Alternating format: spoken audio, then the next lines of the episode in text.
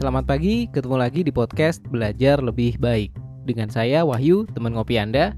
Saya nggak tahu teman-teman saat mendengarkan podcast ini sedang ada di mana. Mungkin ada yang di rumah, mungkin ada yang di perjalanan, atau baru sampai kantor dan sebagainya.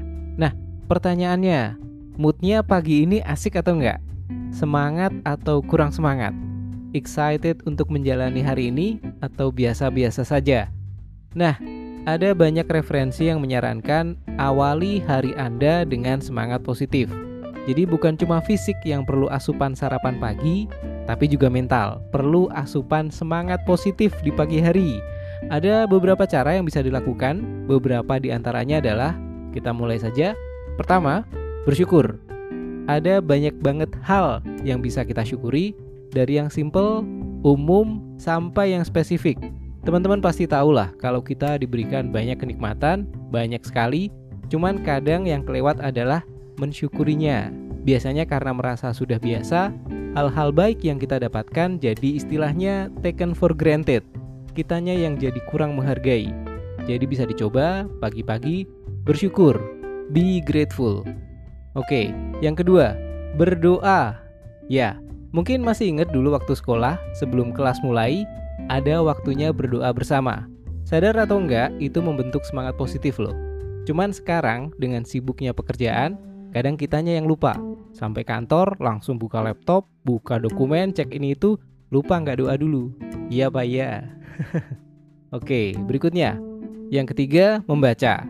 Yang ini maksudnya bukan baca sosmed ya, bukan Facebook, Instagram, dan juga bukan portal berita, yang dimaksud membaca di sini adalah membaca buku, bisa pengetahuan, wawasan, atau juga kitab suci. Hal ini memberi semangat positif dengan adanya perasaan pencapaian alias sense of achievement bahwa ada hal yang sudah Anda pelajari di pagi hari.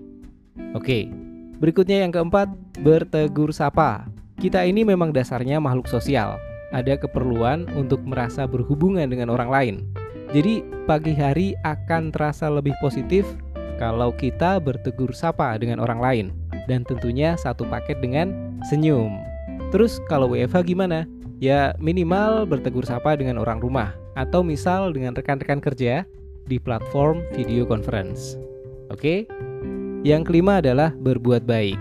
Ya, berbuat baik akan memberikan benefit langsung berupa perasaan positif bagi yang melakukan. Dan di sisi lain, bisa menularkan semangat positif Anda ke orang lain. Nggak susah kok, misal membukakan pintu, menahan tombol lift, menyingkirkan kerikil dari trotoar, memberi jalan ke pengguna jalan lain, dan sebagainya. Selain lima hal tadi sebenarnya masih banyak lagi. Misal ada yang menyarankan olahraga pagi, sarapan sehat, ngopi, dan sebagainya. Silahkan kalau mau menambah referensi lain.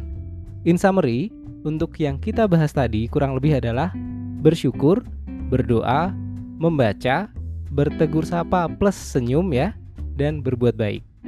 Oke, itu saja untuk kali ini. Semoga paginya dan harinya teman-teman semua menyenangkan. Stay safe, tetap semangat. Sampai ketemu di episode berikutnya. Bye.